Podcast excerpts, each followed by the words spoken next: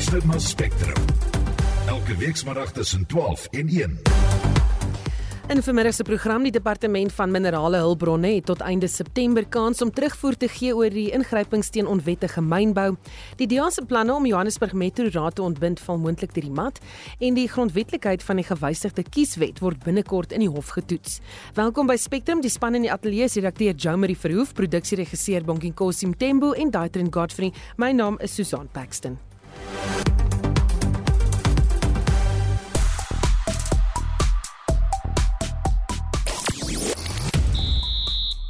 Nommer 1 op die ATP ranglys wag weer vir Novak Djokovic in die eerste ronde van die Amerikaanse Tennisope en Matthew Wade vervang Glenn Maxwell in Australië se toergroep na Suid-Afrika. Ek is Shaun Schuster vir RSG Sport.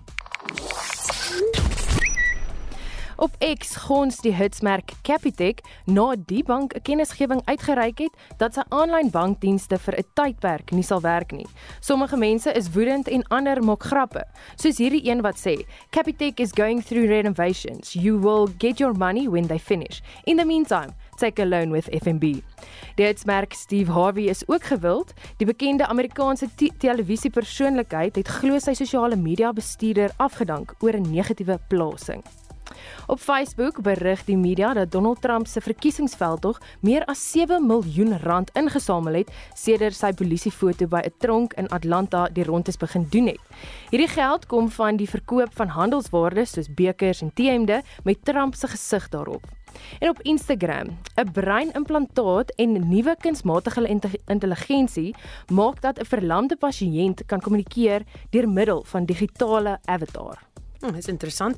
Ons gesels oor Nesquik. Dis nou na die uh, gewilde aanmaak melkdrankie. Nou liefhebbers van hierdie drankie deel hulle teleurstelling op sosiale media nadat die vervaardiger Nestle besluit het om die produk op te skort weens 'n afname in vraag. Nou hoe voel jy daaroor? Is dit een van jou gunsteling drankies, pink of sjokolade? Ehm um, ek het vir ons SMS stuur en vir ons sê hoe voel jy daaroor? Dink jy dis regtig 'n uh, goeie idee dat hulle moet afval 45889? Dan kan jy ook saamgesels oor die DA in Johannesburg wat 'n mosie wou indien om die metro se raad te ontbind. Die Die party wil dan nou sodoende 'n nuwe munisipale verkiesing hou. Die burgemeester van die Nelson Mandela Bay Metro, Gary van Niekerk, het enkele dae gelede 'n mosie van wantroue teen hom oorleef. Wat dink jy moet gebeur in munisipale politiek om die klem op dienslewering eerder as magsvergrype tussen die partye te plaas? Stuur vir ons 'n SMS na 45889 of praat saam op RSG se Facebookblad. Jy luister na Spectrum. Elke weekmiddag tussen 12 en 1. Dit is nou 8 minute oor 12 die DEA se beoogde planne om 'n mosie van wantroue te wysig wat deur Action SA ter tafel gelê sou word teen Johannesburg se burgemeester Kabelo Gwamanda het deur die mat geval. Die DEA wou die mosie wysig om Johannesburg se metro se raad te laat ontbind wat 'n tussenverkiesing tot gevolg sou hê. Action SA het egter pas sy planne vir die mosie teruggetrek. Ons praat nou met die DEA voorsitter in Gauteng Fred Nel hier oor. Goeiemiddag Fred. Goeiemôre Susan en dankie vir die geleentheid. So volgens berigte het die DA nie saamgestem tydens 'n reeks vergaderings tussen Action SA, die IFP en die Vryheidsfront Plus en die Patriotic Alliance nie en sou Action SA se mosie nie sonder die DA se steun geslaag het nie, is dit wel die geval? Dit is die geval dat um, ons besluit het dat ons nie verdere emosies van wantroue wil ondersteun binne die stadsraad in Johannesburg nie, maar dat ons wel 'n mosie wil indien um dat die stadsraad ontbind word en dat vars verkiesings gehou moet word.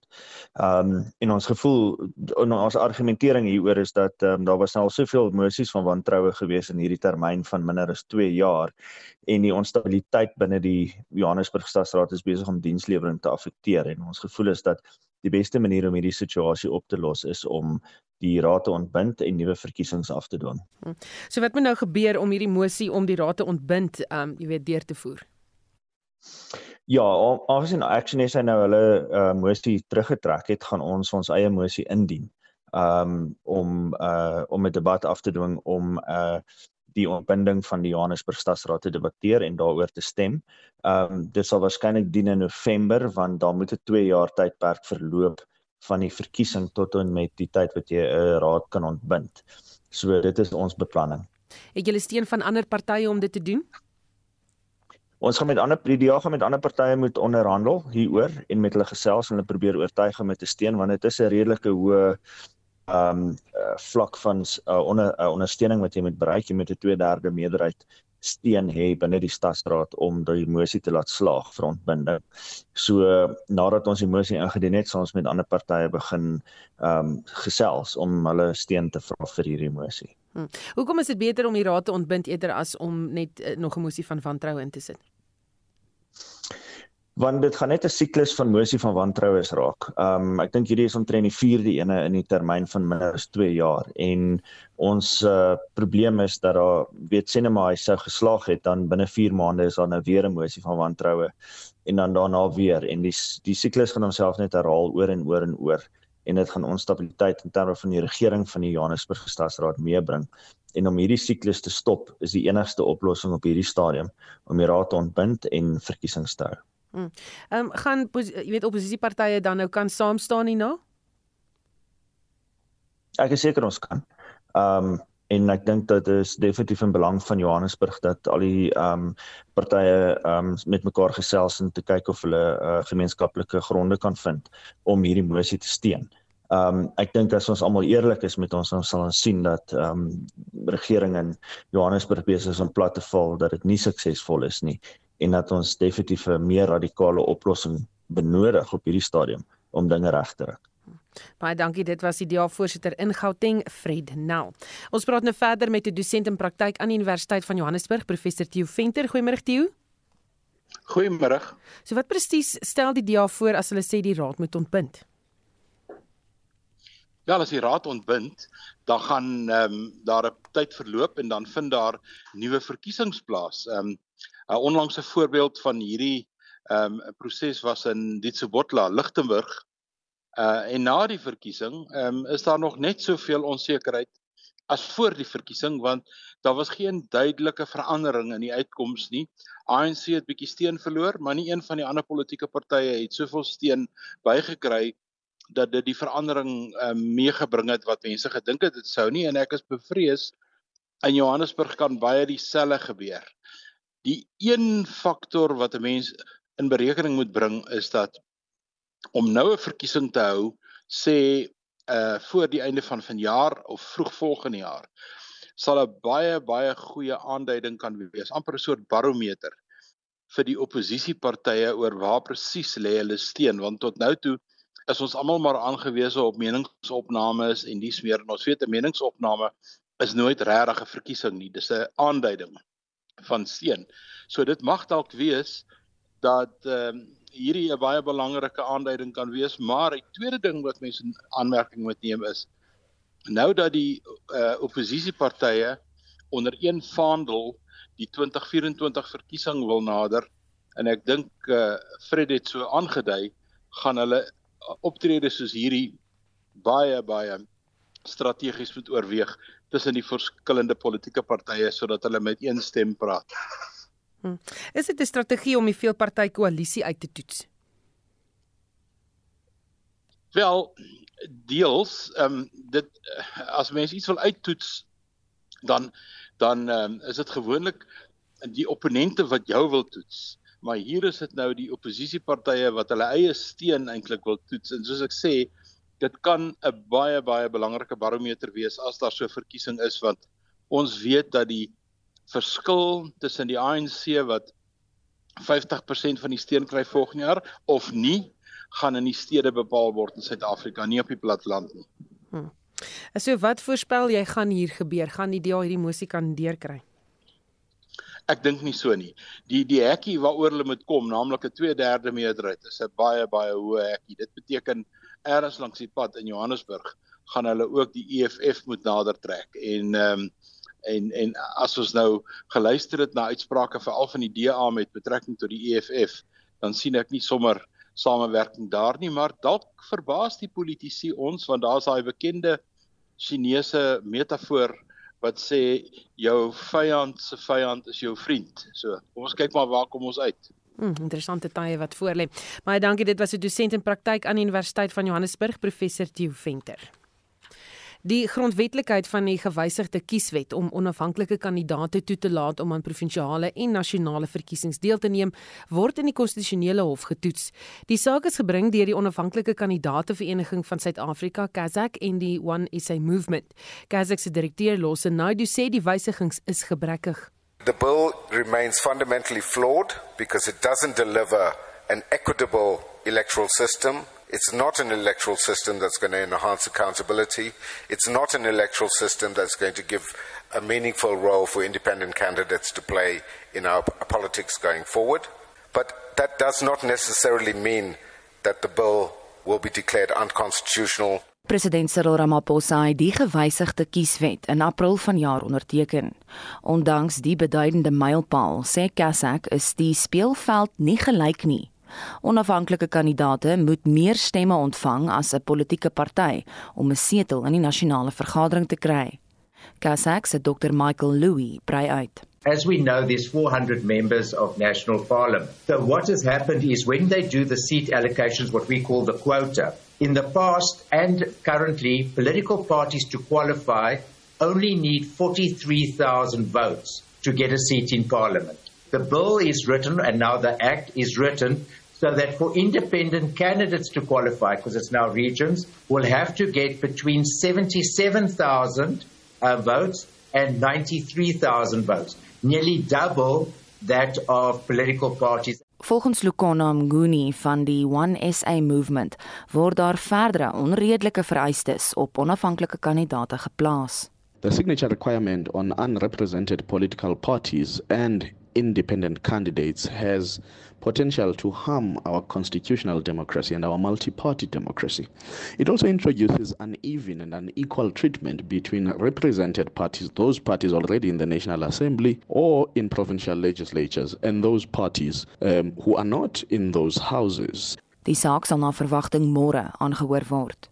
Die verslag van Kenny Mapanga, ek is Jean Marie Verhoef vir SAK nuus. Vrystaat eh, Landbou het om hulp gevra vir eh, voerskenkings na die naweek se Weggelveldbrande in Noordwes het boere egter ook skade gely en veral die Christiana omgewing. Ons praat nou met die adjunkhoof by Agri Noordwes Nudee Pinaar. Goeiemôre Nudee. Goeiemôre. Dit gaan goed met my, maar sê vir my waar dit oral in Noordwes gebrand. Jo, weet jy, dit is vir my baie moeilik om vir jou nou al die plekke te sê hier is 'n ongekende hoeveelheid brande eintlik in ons hele provinsie. Dit is jy sê Christiana het baie baie groot skade gehad, maar daar's ook in baie ander gebiede van van ons provinsie is daar brande. So, jy weet, ehm um, dis net te veel mense, dis net te veel plekke om nou vir jou te sê waar, maar ek kan amper vir jou sê dat in in elkeen van die van die distrikte in ons provinsie is daar heidaglik brande aan die gang of was daar brande die afgelope paar weke. Hmm. En ek verneem julle is ook besig met met 'n vergadering oor die veldbrande. Kon julle al min of meer sê hoeveel skade daar is? Weet jy nie ons het vanoggend met eh, Stog en Kobus Roo probeer gesels aan opnames maar die aanvanklike om op wys byvoorbeeld Christiana plus minus 400 hektaar wat verloor is waarmee dan stad 20000 en dan in die hektare wat afgebrand het. Maar dit sal vir my onverantwoordelik wees op die stadium nou vir jou hektare te gee. Ehm um, dit verander elke dag So ek kan nie vir jou akkurate inligting gee op die stadium wat wat betref hektare wat ons verloor het nie. Mm. Baie dankie. Dit was die adjunkhoof by Agri Noordwes Notee Pinaar. Die Kouga dam in die Oos-Kaap se watervlak is stadig besig om te herstel. Renet Koleski van die Gamtoes Besproeiingsraad sluit nou by ons aan. Ons praat nou met haar daaroor. Goeiemôre Renet. Hallo Suzan. Waar staan die Kouga dam se vlak op die oomblik? Suzan, die Kouga dam is vanoggend op 60.23 dit is amper 50% meer as wat dit 6 maande terug was. En ehm um, die vlak op 60% was laas in is in November 2016. Dit is 7 jaar terug. Hm. Het julle goeie reën gehad en dink jy die watervlak sal verder styg? Ja, weet jy, ons het oor die algemeen oor die laaste 6 maande baie goeie reën gehad. En daar het ook nou gedurende hierdie naweek 'n bietjie reën in die Langkloof geval wat die opvanggebied is. So ons neem aan dat dit dan ook die die die Kougadam 'n bietjie verder sal opdruk. Op hierdie stadium is daar omtrent 'n invloed van omtrent 2000 liter per sekonde wat ons bo by Stuurmanskraal meet en dit is meer as wat ons uitlaat op hierdie stadium. So dis hoekom die dam ook styg. En ehm um, dis lekker om te sien hoe hy opkruip. Ons dit dit ehm um, ons stoutste verwagtinge het dit nie verwag om te sien waar hy nou is nie. Maar dis 'n wonderlike ver, verligting vir die boere ook om te weet waar ons nou is. Want dit was baie droog, julle was baie bekommerd. Ja, weet jy ons was uh, regtig bekommerd in uh, 2021 het die dam gedraai op 3.89%. Ehm um, dit was Julie maand gewees en ons het regtig uh, verskriklik groot geskrik want hy was nog nooit op daai vlak nie. Ehm um, en ons was nooit vir, uh, gewoond aan beperkings van 20% nie. Die gedurende daai daardie tyd het daar het hulle die eerste beperking van omtrent 20 nie beperking maar um 'n watertoekenning van 20% gegee en ons het verskeie dae gehad in die jare daarna, maar dit was die eerste vir die Gamtoos boere om dit te deurleef. En ek moet vir jou sê, ek dink die boere het in die tyd wat verby is regtig geleer hoe om met baie min water klaar te kom en hoe om hulle bronne tot tot die beste van hulle vermoë te bestuur en ook om alternatiewe bronne te ontgin om om hulle hulle um hulle oes te nat te kry. Hmm. En sê vir my, het dit 'n invloed op die metro se waterverbruik of word die Kouga hoofsaaklik vir besproeiing gebruik? Die Kouga, ehm um, 72% van die Kouga word gebruik vir landbouverbruik en ehm um, dan kyk jy na 27% wat dan nou vir die metro is en 1% wat na Kouga munisipaliteit toe gaan. So dis in 'n groter mate is dit 'n landboudam, maar die landbouverbruiker het 'n laer sekerheid van lewering. So as dit kom by water uitdeel tydens 'n beperkingsjaar of 'n jaar wat beperk word, sal daar 'n groter mate van sekerheid vir jou vir jou huishoudelike verbruiker wees wat dan nou die metro is as wat daar is vir jou landbouverbruiker. Ehm um, en dis hoekom daar groter beperkings dan nou ook ingestel word op jou landbouverbruiker. Ons is natuurlik aan hierdie kant wat die weste kant van die metro is, is ons basies drie bronne wat ehm um, damme is wat aan die metro voorsien wat dan nou Churchill en Mpofu is en dan Kouga maar Churchill en Mpofu is onder die metro se beheer. En ehm um, daai damme is voorheen ehm um, die damme is op hierdie stadium ook besig om stadig maar seker te herstel en ek verstaan dat Mpofu na 7 maande wat dit nie gebruik is nie is nou ehm um, in Augustus het hulle hom nou weer begin gebruik. Nou Mpofu is omtrent so groot soos die Kouga dam. Hy staan nou omtrent op 17 17.5% en dan ehm um, Churchill is dan nou uh, ook so 'n balanseer dan wat maar inloop in Mpofu. Hy's op 76%, maar hy's hy's nie so hoog nie. Hy's ehm um, dit is maar 'n 35 miljoen kubiek meter dam. Ja, maar dit klink dan mal of dit beter gaan. Baie dankie. Dit was Renet Koleski van die Gamtoos Besproeiingsraad. 'n Koue front het die afgelope naweek oor die suidweste van die land in beweeg en volgens die weerdiens kan die Wes en Oos-Kaap van dese week ook koue weer verwag, dit terwyl baie warm weer vir ander dele van die land voorspel word. En vir meer oor die kook wat so 'n wiplank ry, praat ons nou met Wayne Venter, 'n senior voorspeller van die Suid-Afrikaanse Weerdiens. Goeiemôre Wayne. Goeiemôre, goeiemôre aan die luisteraar. Die weerpatrone blyk van een uiterste na die ander te beweeg. Is dit normale weerpatrone vir die tyd van die jaar? Ja, vir hierdie tyd van die jaar het ons uh, nogals agter hierdie fronte hierdie hierdie hoogdrukstelsels wat oor die land in beweeg en dit veroorsaak 'n bietjie koeler lug aan die oostelike helfte van die land en dan warmer weer oor die westelike helfte. So ons het hierdie bietjie van die koue front wat deur beweeg en bring die koue lug oor die Wes-Kaap en dan kom die hoog agter dit in en dan bring dit aflandige vloei vir die Wes-Kaap en dan ehm um, warm die temperature weer op na die front. En ons sien dit nou gebeur vir die volgende paar dae. So ons het hierdie hoog wat oor die oostelike helfte van die land gaan uh, voortduur vir die volgende 2 tot 3 dae. So dit gaan dan weer aflandige vloei en bergwind toestande vir die Wes-Kaap en die Oos-Kaap en die Noord-Kaap voorsaak vir die volgende paar dae. So dit gaan eintlik bo normaal warm wees oor dele van die Wes-Kaap en die Oos-Kaap veral vanaf môre tot en met Woensdag. En dan het ons weer die koue fronte wat deur die ehm um, deur ehm um, gaan beweeg hier teen Donderdag en oor die naweek. Hmm. En die ander provinsies meer noord? Ons het hierdie koeler weer af 'n paar dae gehad oor Gauteng, Limpopo en Mpumalanga. Dit gaan nou voor die vandag môre. Ehm um, asook Woensdag en dan voor daai front deurkom oor die Weskaap teen Donderdag en dat ons dan die warmer weer wat sal weer in beweeg oor die noordoostelike helfte van die land ehm um, voor die naweek. So ons sien 'n bietjie temperature wat dan weer sal styg na die middel tot hoë 20s en tot in die lae 30s weer in die Laagveld ehm um, in die vallei van Limpopo en Mpumalanga ehm um, hier teen die naweek se kant. Ja. Is daar enige waarskuwings uitgereik waarvan ons moet bewus wees? Op die oomblik het ons nie enige waarskuwings ehm um, oor die land nie. Ons het 'n hittegolf ehm um, weer advies uit vir dele van die Noord-Kaap vir vandag. En dit is nou as gevolg van daai um, bergwind toestande wat ons langs daai Noord-Kaapse kus verwag vir die volgende 2 tot 3 dae. Ehm um, baie warm temperature van tot die middel 30s word verwag daar langsval daar rondom Alexander Bay. Ehm uh, die sterk winde so ons het daai hittegolf ehm um, vir die volgende paar dae langs daai kus. Hmm. Baie dankie. Dit was 'n senior voorspeller by die Suid-Afrikaanse Weerdiens, Wayne Venter. Die parlement se portefeulje komitee oor minerale hulpbronne en energie het die departement tot einde September gegee om terugvoer te gee oor dringende ingrypings wat gemaak moet word om onwettige mynboubedrywighede in Noordwes en Gauteng hok te slaan. In die afgelope maand is bykans 100 zamazamas in Gauteng in hegtenis geneem. Jamie Verhoef doen verslag. Die polisie het 'n reuse taak op sy hande. Daar word in sowat 500 ongebruikte myne steeds onwettig gemyn. Die komitee voorsitter, Sahlulele Luzipo, sê 'n uitgebreide benadering is nodig om die probleem te takel.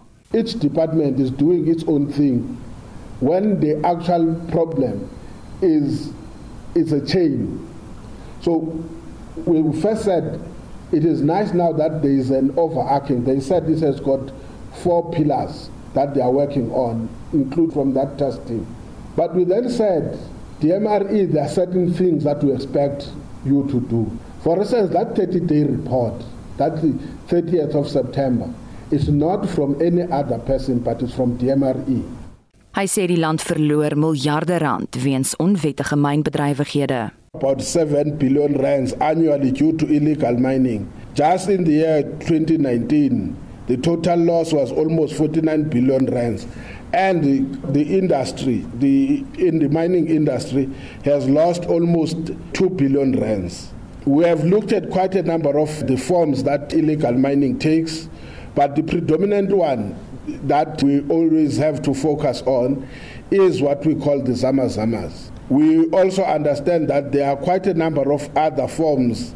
The reason there is so much attention on the zama zamas is simply because there has a degree of high criminality, including, amongst others, issues of murder, rapes. Ersiening van wetgewing word ook oorweeg omdat skuiwergate in die bestaande mynwetgewing tot die probleem bygedra het.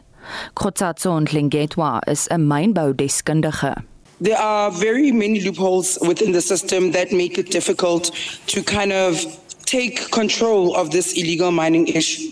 First of all, when we look at the mine closure of mines, it was done in the 1990s. A lot of the mines within the areas that are affected was actually done before the current 2002 Mineral and Petroleum Resources Development Act was in, enacted. So what we find is that a lot of these companies that actually left these ownerless and dialect mines that we now have we can't find anymore. And that is one of the biggest problems is that we can't actually identify who is responsible because we know that the DMRE does not have the capacity both in financial resources as well as in uh, personnel resources to close up all these shafts and all these holes. Terwyl die valke en die Suid-Afrikaanse Polisie diens staakspanne op die been gebring het om die probleem te hanteer, meen sommiges dat die weermag ook moet ingryp. Die verslag van Nozin Tombi Mia, ek is Jomari Verhoef vir SAK nuus. Jy luister na Spectrum op RSG. In die nuus, die bloeddiens in die Weskaap sê sy voorraad is op 'n kritieke laagtepunt en die 25ste jaar kongres van die inheemse plantgebruik forum begin vandag in Skukuza. Bly ingeskakel.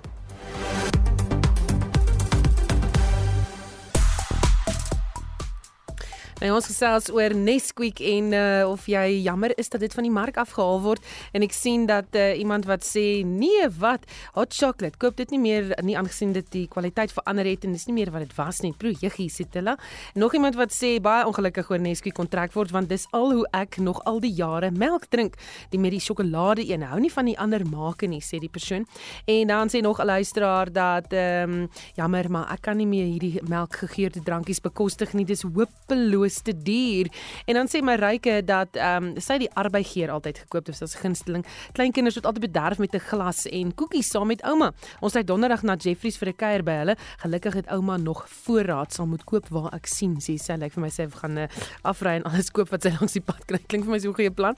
Jy kan steeds saamgestel stuur vir ons 'n SMS 45889 SMS se kos R1.50 of praat saam op die RC Facebookblad. En Shaun Jooste staan gereed met tennis en cricket nuus. Goeiemiddag Shaun. Middag Susan. Die Amerikaanse tennis oop begin vanmiddag in New York. Wie is eerste aan die beurt en watter Suid-Afrikaner kan ons volg? Carlos Alcaraz van Spanje en Iga Swiatek van Pole is die topgekeerde mans en vroue spelers. Beide is nommer 1 in die wêreld en ook verdedigende kampioene by die Ope. Novak Djokovic van Servië sal daardie nommer 1 posisie op die ATP ranglys kan terugneem indien hy vir by die eerste ronde wedstryd teen Alexander Muller van Frankryk kan kom. Die vierde gekeerde Holger Rune van Denemarke speel ook in die eerste ronde teen Roberto Carballes Baena van Spanje en Swiatek kom in die eerste ronde dus aan die vroue afdeling teen Rebecca Petersen van Swede te staan. Lloyd Harris is Suid-Afrika se enigste verteenwoordiger by die Open. Hy stap môre aand in die enkelspel teen die Argentyn Guido Pella op die baan uit. Nog 'n besering in die Australiese groep vir die T20 reeks in die Proteas Woensdag in Durban begin sien ek. Ja, die veelsidige speler Glenn Maxwell het 'n enkel besering tydens 'n oefensessie vererger en gaan die T20 reeks teen die Proteas wat Woensdag in Durban begin misloop. Nou Maxwell sou reeds na die T20 reeks na Australië terugkeer vir die geboorte van sy eersteling. Hy word deur die paaltjiewagter en kolwer Matthew Wade vervang en die afrigter van Nieu-Seeland Gary Stead het die kaptein Kane Williamson ook 2 weke gegee om sy fiksheid en gereedheid vir die eendag wêreldbeker toernooi in Indië te bewys. Williamson het 'n kniebesering in April in die Indiese Premierliga opgedoen en is stadig besig om te herstel. Nou, hy is deel van die span wat na Engeland toer vir 'n T20 en eendagreeks wat uit 4 wedstryde elk bestaan. Baie dankie, dit was Shaun Jooste met sportnuus op Spectrum. Spectrum, jou middagnuusprogram op RSG. Is dit 1233 bykans 1234 in die 25ste jaar kongres van die Inheemse Plantgebruik Forum of IPUF is tans aan die gang in Skukuza in die Nasionale Kreer Wildtuin. Die doel van die konferensie is om die volhoubare gebruik van inheemse plante te bevorder. Ons praat nou met professor Ben Erik van Wyk, die voorsitter van die kongres. Goeiemôre Ben. Goeiemiddag Susan. Sê vir my, wat is wat is hierdie kongres? Waarvoor staan die Inheemse Plantgebruikersforum? Ja, dit gaan daaroor dat ons hierdie geweldige verskeidenheid van plante in Suid-Afrika het, oor die 23000 spesies. En ons het terselfdertyd ook 'n geweldige verskeidenheid van kulture. En so die inheemse kennis rondom die gebruike van die plante is eintlik waaroor dit gaan. En uh dit die, die bedoel die doel van die kongres is om dus al hierdie verskillende dissiplines wat betrokke is by die studie van plante bymekaar te bring en dan uh, uh verdere ontwikkeling en verdere navorsing te stimuleer. Ehm um, so ek dink ja. Goed, as jy dalk vir my so 'n bietjie kan skuif na links of regs, voel vir my die sein wil wil ons daar verlaat. Ehm um, wat maak hierdie kongres so spesiaal vanjaar? Ja, vir jaar is die 25ste keer dat ons hierdie kongres hou. Dit gebeur elke jaar. En vir jaar is nou besonder omdat dit uh, die 25ste keer is wat ons vergader. Ons het met COVID dit ons 'n eh, twee jare uh, dit virtueel gedoen, maar vanjaar is ons weer terug. Ons het 380 mense uit verskillende dissiplines en uh, ons kyk terug met ander woorde oor 25 jaar van aktiwiteite om om ook 'n bietjie ehm um, bestekopname te maak van hoe ons gevorder het en hoe die vakgebied gevorder het. Die vakgebied is eintlik staan bekend as etnobotanie, die studie van die gebruike van plante deur verskillende kulture. En uh die die hoof fokus is natuurlik op uh, om uh, werkskepping, werkgeleenthede te skep ensovoorts.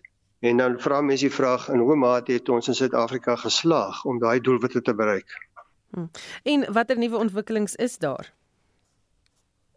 Ja, ja daar's eintlik twee dink ek wat mense kan sê wat uitstaan. Die eerste is dat daar 'n uh, geweldige bemagtigingsproses was oor die 25 jaar. Die eerste kongres was gedomeineer deur uh met blanke wetenskaplikes.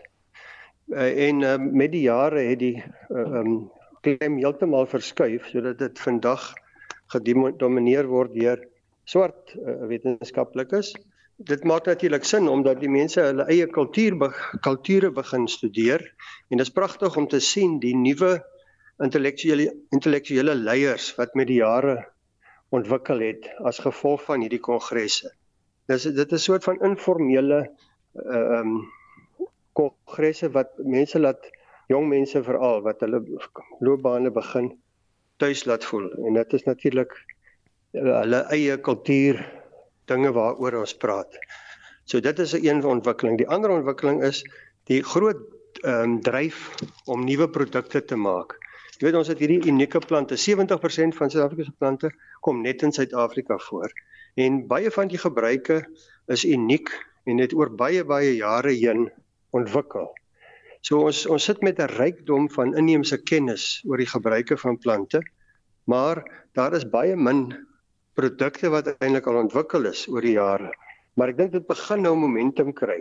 Daar is aspekte soos die al die permitte en die regulasies wat nodig is vir, vir ontwikkelaars om nuwe gewasse en nuwe produkte te skep. En dit is besig om uitgesorteer te word en ehm um, die prosesse word baie beter verstaan want die uiteindelike doelwit is maar om uh, werkgeleenthede te skep om om die, om die maksimum voordeel te kry uit hierdie rykdom van plante en rykdom van inheemse kennis. Hmm. As jy na hierdie plante verwys, is daar byvoorbeeld plante wat die name waarvan ons weet wat ons ken, maar ons weet nie dit kan gebruik word nie. Ja, ek dink daar's uh, baie bekende plante. Ek ken heuningbostee byvoorbeeld, uh, rooibostee, uh, uh, die Kaapse alwyn, ehm um, bogo, ehm um, die, die pelargoniums en so voort. So daar is al reeds uh, heel bekende plante, maar maar deur navorsing ontdek ons ook byvoorbeeld uh, die waarde van hierdie plante en en daar's 'n voortdurende ontwikkelingsproses. Ek dink een van die opwindendste plante is miskien heuningbostee. Die die hoof chemiese verbinding wat in die plant is, het bewese uh, gesondheidswaarde. So dit, dit is nie net uh weet bygeloofies en so nie. Hierdie plante het werklik baie potensiaal om 'n bydrae te maak tot tot gesondheid. Ehm um, dan is daar natuurlik letterlik duisende. Daar's ongeveer 4000 medisyneplante in Suid-Afrika. En baie van hierdie plante is nog nie eers getoets nie. So daar's 'n voortdurende ontdekkingsproses, maar daarmee saam is daar ook uh, verdieping in, in ons begrip van hoe werk hierdie plante. Ehm um, daar's byvoorbeeld die Copifa, die die bulbine wat is wat 'n slaim um, in sy blaar het so, soos alwyn en hy is onlangs ontwikkel tot tot uh, 'n nuwe produk vir, vir velsorg. Ehm um, so so uh, dan die ou bekendes soos alwyn wat natuurlik 'n lakseermiddel is. Ehm uh, en boego wat vandag miskien meer as 'n as 'n uh, geurmiddel gebruik word eerder as 'n medisyne want met die koms van penicillin het het boego se waarde as medisyne eintlik 'n bietjie verval. Ja. So en hy hy bedoel ons lekker. So maar, maar as, as ons ons kaarte reg speel, kan dit bydra tot ons sosio-ekonomiese groei. Nee, definitief. Dit is en daar is ook uh, reuse bedrag geld bewillig deur die regering juis om uh, hierdie die proses te stimuleer. So ehm um, daar's daar's baie groot potensiaal, maar ek dink die uitdaging is om al die rolspelers in plek te kry en om goeie samewerking te kry tussen die staat en die, die verskillende uh, staatsdepartemente en dan um, entrepreneurs en om nie te veel ehm um, um, hindernisse in die plek van entrepreneurs te sit wat wat plante wil ontwikkel tot nuwe gewasse nie. Ja. Die uitdaging is ook om plaaslike mense te betrek by die proses. Mm, want hulle die kennis. Sê vir my Ben Erik, um, net so laaste vraag. Julle is daar in Skukuza in die Nasionale Kreer Wildtuin. Is daar spesifieke plante wat julle na kyk wat jy weet so gebruik kan word? Ja nee, die die uh, die plek is maar gekies omdat dit 'n wonderlike geleentheid is om vir al die oorseese gaste, ek het verskeie uh hoofsprekers van oorsee wat natuurlik dis 'n lekker aantrekkingskrag en dis 'n goeie manier om hulle te oortuig om Suid-Afrika toe te kom. Maar hier is inderdaad uh bekende plante. Ons gaan nie so seer hier in die veld in nie, soos jy weet die leeu's is maar jy weet dit is gevaarlik om te loop. So so die, die gewoonlik as ons 'n uh, kongres hou dan het ons 'n uh, ekskursie waar ons nou die plaaslike plante gaan kyk. Die kongres was oor die hele land versprei juis om plaaslike mense te laat deelneem en so voort. Maar hierdie is 'n bietjie van 'n ander situasie. Ehm, um, maar ek kan byvoorbeeld 'n voorbeeld noem van die peperbasboom wat hier in Kreerwiltuin voorkom en wat ten spyte van die leeu's en die renosters uh, uitgeroei word in die nasionale park want hulle hy word oor oorgeoes nê hulle mm. hulle was die hulle ring was die bome en dan gaan hulle dood. So daar is 'n bewaringsuitdaging soms met die wildoes van hierdie plante. Ja. Baie dankie. Dit was professor Ben Erik van Wyk, voorsitter van die inheemse plantgebruikersforum kongres. Die KwaZulu-Natalse polisiehoof, Nhlanhla Mkonasi, vra gemeenskappe asook tradisionele en geestelike leiers om die polisie te help om misdaadbekampingsplanne op te stel wat op plaaslike vlak toegepas kan word. Mkonasi het die tweedaagse Indaba oor gemeenskapspolisieering verlede week in Durban toegespreek. Dit terwyl sekere dele van die provinsie deurloop onder moorde en verkrachtings. Dit volg ook nadat 3 raadslede binne 'n week in die provinsie aangeval en 17 in die afgelope 10 maande vermoor is. Dries Liebenberg berig. In KwaZulu-Natal 'n provinsie wat gereeld verbind word met huurmoorde en ander ernstige misdaad reg oor die land, wend mense hulle al op 'n jong ouderdom tot misdaad. Mkwanazi verduidelik.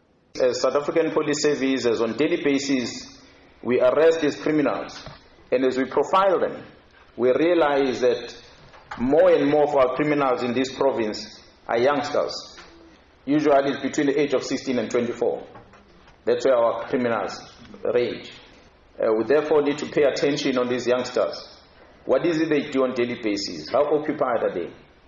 And, and, and that is clear sign that uh, with that neglect, it's going to contribute in crime and this high level of crime that we have.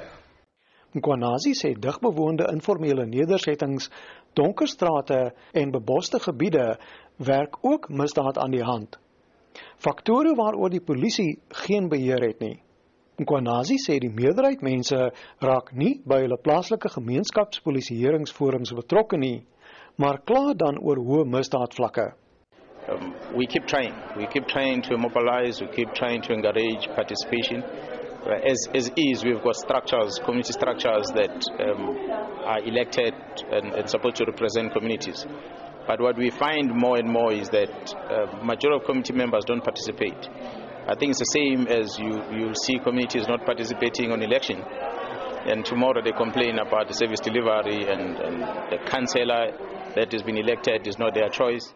Die nuutverkose voorsitter van die provinsiale raad van gemeenskapspolisieeringsforums, Phineas Mchali, het by die Indaba gesê hy is moeg om te hoor dat KwaZulu-Natal 'n nes van moordenaars is. We want to organize ourselves, bring together all the stakeholders We got Amakosi, we got Zinduna, who are also eyes and ears of the police when it comes to, to crime. Therefore, we got other structures other than CPF structures that are working maybe sometimes in silos. Some they're working there, some they're working. Then we bring all those stakeholders together and make sure that let's come together and fight crime. In die aanloop tot aanstaande jaar se algemene verkiesing het Nkwanazi 'n beroep op politieke partye gedoen om hulle wetywering om posisies tot die demokratiese verkiesingsveldtog te beperk. In die afgelope week alleen was daar 3 afsonderlike aanvalle op raadslede in die provinsie. So what we're trying to do is to talk to leadership and say rather campaign and make sure that you win elections during the voting process so that those that are elected to be in position they stay there for their term until it's over. So if you don't if you don't win in the elections you're now employing another strategy of outvoting those people when they're in positions uh, by using those only those people that are within the council. And that's what is creating a problem for us Die KwaZulu-Natalse direkteur van openbare vervolging, advokaat Elaine Zungu, sê die vervolgingsgesag sal met graagte verduidelik waarom sekere sake nie op die rol geplaas word nie en om polisiebeamptes raad te gee oor wat toelaatbare getuienis is. Ek is Dries Liebenberg in Durban. Johannesburg maak staat op 'n bykomende 90 megawatt elektrisiteit wat die stad hoop om van onafhanklike kragverskaffers te kry. Dis genoeg krag vir 60 000 huise. Johannesburg se kragverskaffer, City Power, het sy planne om ekstra opwekkingsvermoë by sy netwerk te voeg bekend gemaak om die las van beurtkrag vir die stad se inwoners te help verlig. Hendrik Martin het meer besonderhede. City Power se bestuurshoof, Chifularu Mashaba, sê dit reeds diensverskaffers geïdentifiseer wat hulle van die basislading sal voorsien.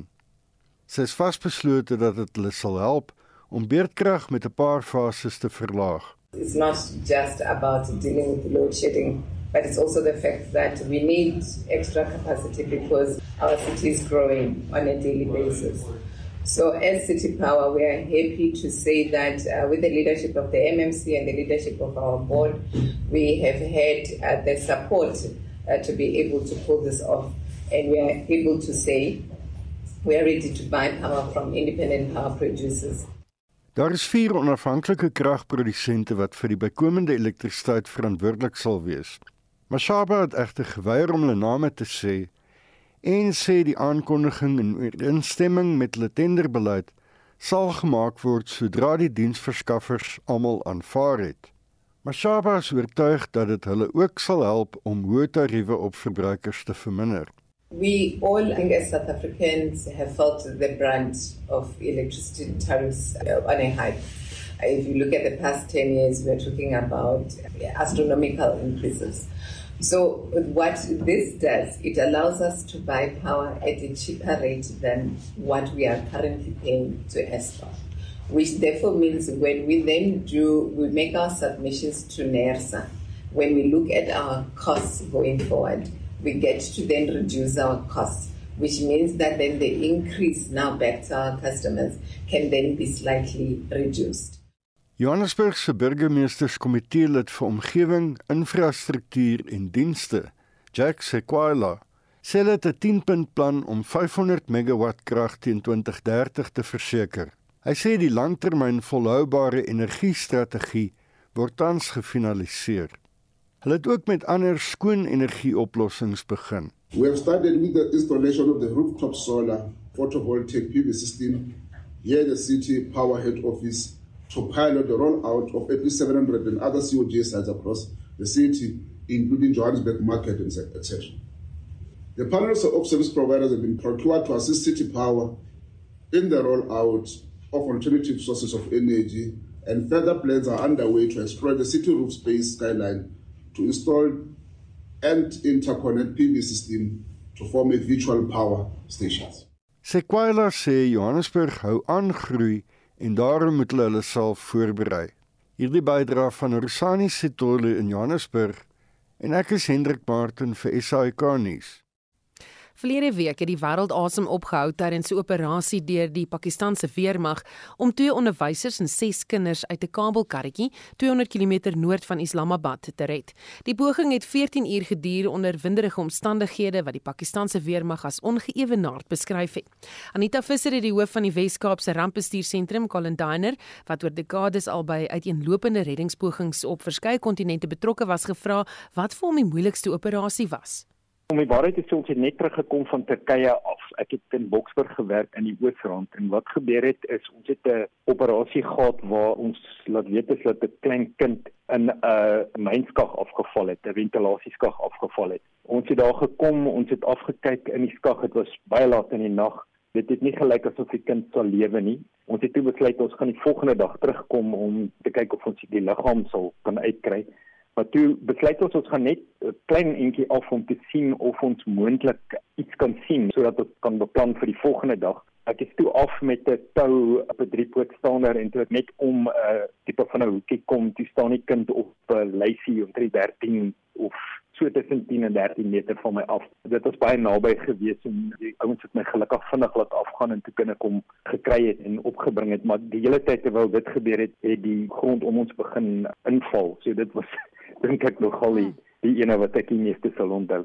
Ek was al in baie aardbewings wat ons na toe gegaan het. Ek dink daar was van 1999 af toe ons na die Turkye aardbewing toe gegaan het. Sedertdien was ek op uh, agt verskillende aardbewings. Daar was Haiti, daar was Algerië, Indië, Pakistan en dan laastens was die operasie in Japan met die tsunami in 2011. So ons het baie in Pakistan veral het ons baie mense se lewens gered in die berge. Ons is in die berge in en ons het daar mense gekry wat beseer is. Ongelukkig met 'n aardbewing situasie as jy baie swaar materiale het, baie swaar konstruksie het, is die kans om lewendige mense uit te kry baie baie skraal. Met Pakistan omdat dit huise in die berge was wat met pale en hout en so gemaak is, was was die reddingsmoontlikhede baie groot. Maar ongelukkig in die ander lande was dit baie baie moeilik om mense eintlik ehm um, lewendig te kry. 'n Mens moet ook uh, in ag neem dat jy nog met vlieg van Suid-Afrika af, jy nog daar moet aankom So baie van daai operasies was grootliks liggaams wat ons uitgehaal het, maar daar's ook 'n waarde daaraan. So dit is uh, die ergste gewees. Sê vir my Colin, internasionaal word riglyne gedurig aangepas soos wat nuwe situasies ontstaan. Ja, absoluut. Na die aardbewings wat in die 80's gebeur het in Armenië en in Mexico City, het uh, die Verenigde Nasies 'n uh, organisasie begin wat hulle noem INSERAC, International Search and Rescue Advisory Group. En wat hulle daar doen is elke jaar kom die spanleiers van al die groot soek- en reddingsspanne oor die wêreld bymekaar en dan bespreek hulle die insidente wat die vorige jaar gebeur het en hulle kyk na hoe kan hulle beter hulle werk beter doen met volgende operasies, hoe kan hulle beter koördineer. So jy gaan een keer 'n jaar na die vergaderings toe jy leer die ouens ken en dan as jy weer na 'n groot ramp toe gaan, is dit gewoonlik dieselfde mense wat daar is. So dit is eintlik 'n baie goeie stelsel wat oor die jare opgebou het. En dit was die hoof van die Wes-Kaapse Rampbestuursentrum, Colin Diner en Anita Visser het daardie onderhoud met hom gevoer. Marlies Skeepers het 'n paar nuus stories wat sy vir ons uitlig vanmiddag. Die nasionale bloeddiens sê sy voorraad in die Wes-Kaap is kritiek laag. Die bloeddiens vra dringend vir skenkers sodat die voorraad aangevul kan word. Die hoof van bemarking in die provinsie, Michelle Vermeulen, sê vir sommige bloedgroepe is daar net genoeg voorraad vir 3 dae. Huidiglik het ons so 3 dae se voorraad in O positief en O negatief. Ehm um, en ons mik daarvoor om altyd 5 dae se bloedvoorraad te hê. Ons vra daarvoor dat daai bloedgroepe asseblief so dringend as moontlik na vore kom om te kom bloed skenk. Maar as jy enige van die ander bloedgroepe is, kom nog steeds om bloed te skenk. Ons wil nog steeds seker maak ons ehm um, handhaaf daai 5 dae bloedvoorraad. Die Suid-Afrikaanse Spooragentskap, PRASA, sê sy prioriteit is om spoordienste vir pendelaars landwyd ten volle te herstel. Die Kaapstadse Metroraad het gedreig dat 'n interregeringsdispuut teen die agentskap verklaar sal word, sou president Ramaphosa nie reageer nie op 'n versoek dat 'n gesamentlike werkkomitee oor spoorafwenteling nie teen die einde van die maand op die been gebring word nie. Prasa se woordvoerder, Andiswa Makanda, sê hulle maak vordering. We are running services in Cape Town. We've fully recovered the southern line. We are running on the northern corridor. We are also running on the central line from Cape Town to Nyanga. And there's a lot of work happening in the Western Cape in terms of recovering. We've seen a gradual increase of passenger numbers. People are coming back. The Lerala to Germiston line that we are launching today officially, we are carrying about 10,000 commuters daily. So we are seeing a demand for passenger rail services, which is why we are trying to speed up the recovery of the services. En Susan, ondanks internasionale verkiesingswaarnemers wat sê dat die Zimbabwese verkiesing nie volgens demokratiese standaarde was nie, blyk dit volgens berigte dat die Citizens Coalition for Change huiwerig is om die uitslag in die land se konstitusionele hof te beveg. Die leier Nelson Chamisa het nog nie bewyse gelewer wat sy beweringe teen president Emmerson Mnangagwa staaf nie. Pieter Ndoro van die SAK se Channel Africa. This was the first time that SADC and the African Union have said out loud that the elections did not meet the standards of what was required for a free and fair, a credible election. That is significant. What will they do about this? That is the next question because the legitimacy of this presidency is always going to be cast in doubt. But will there be consequences is the question that, that needs to be asked. Nou ja, dit was maar Lies Skeepers met 'n paar brandpunte van die dag se nuus en gepraat van brandpunte. Onthou brandpunt vanmiddag kwart voor 6.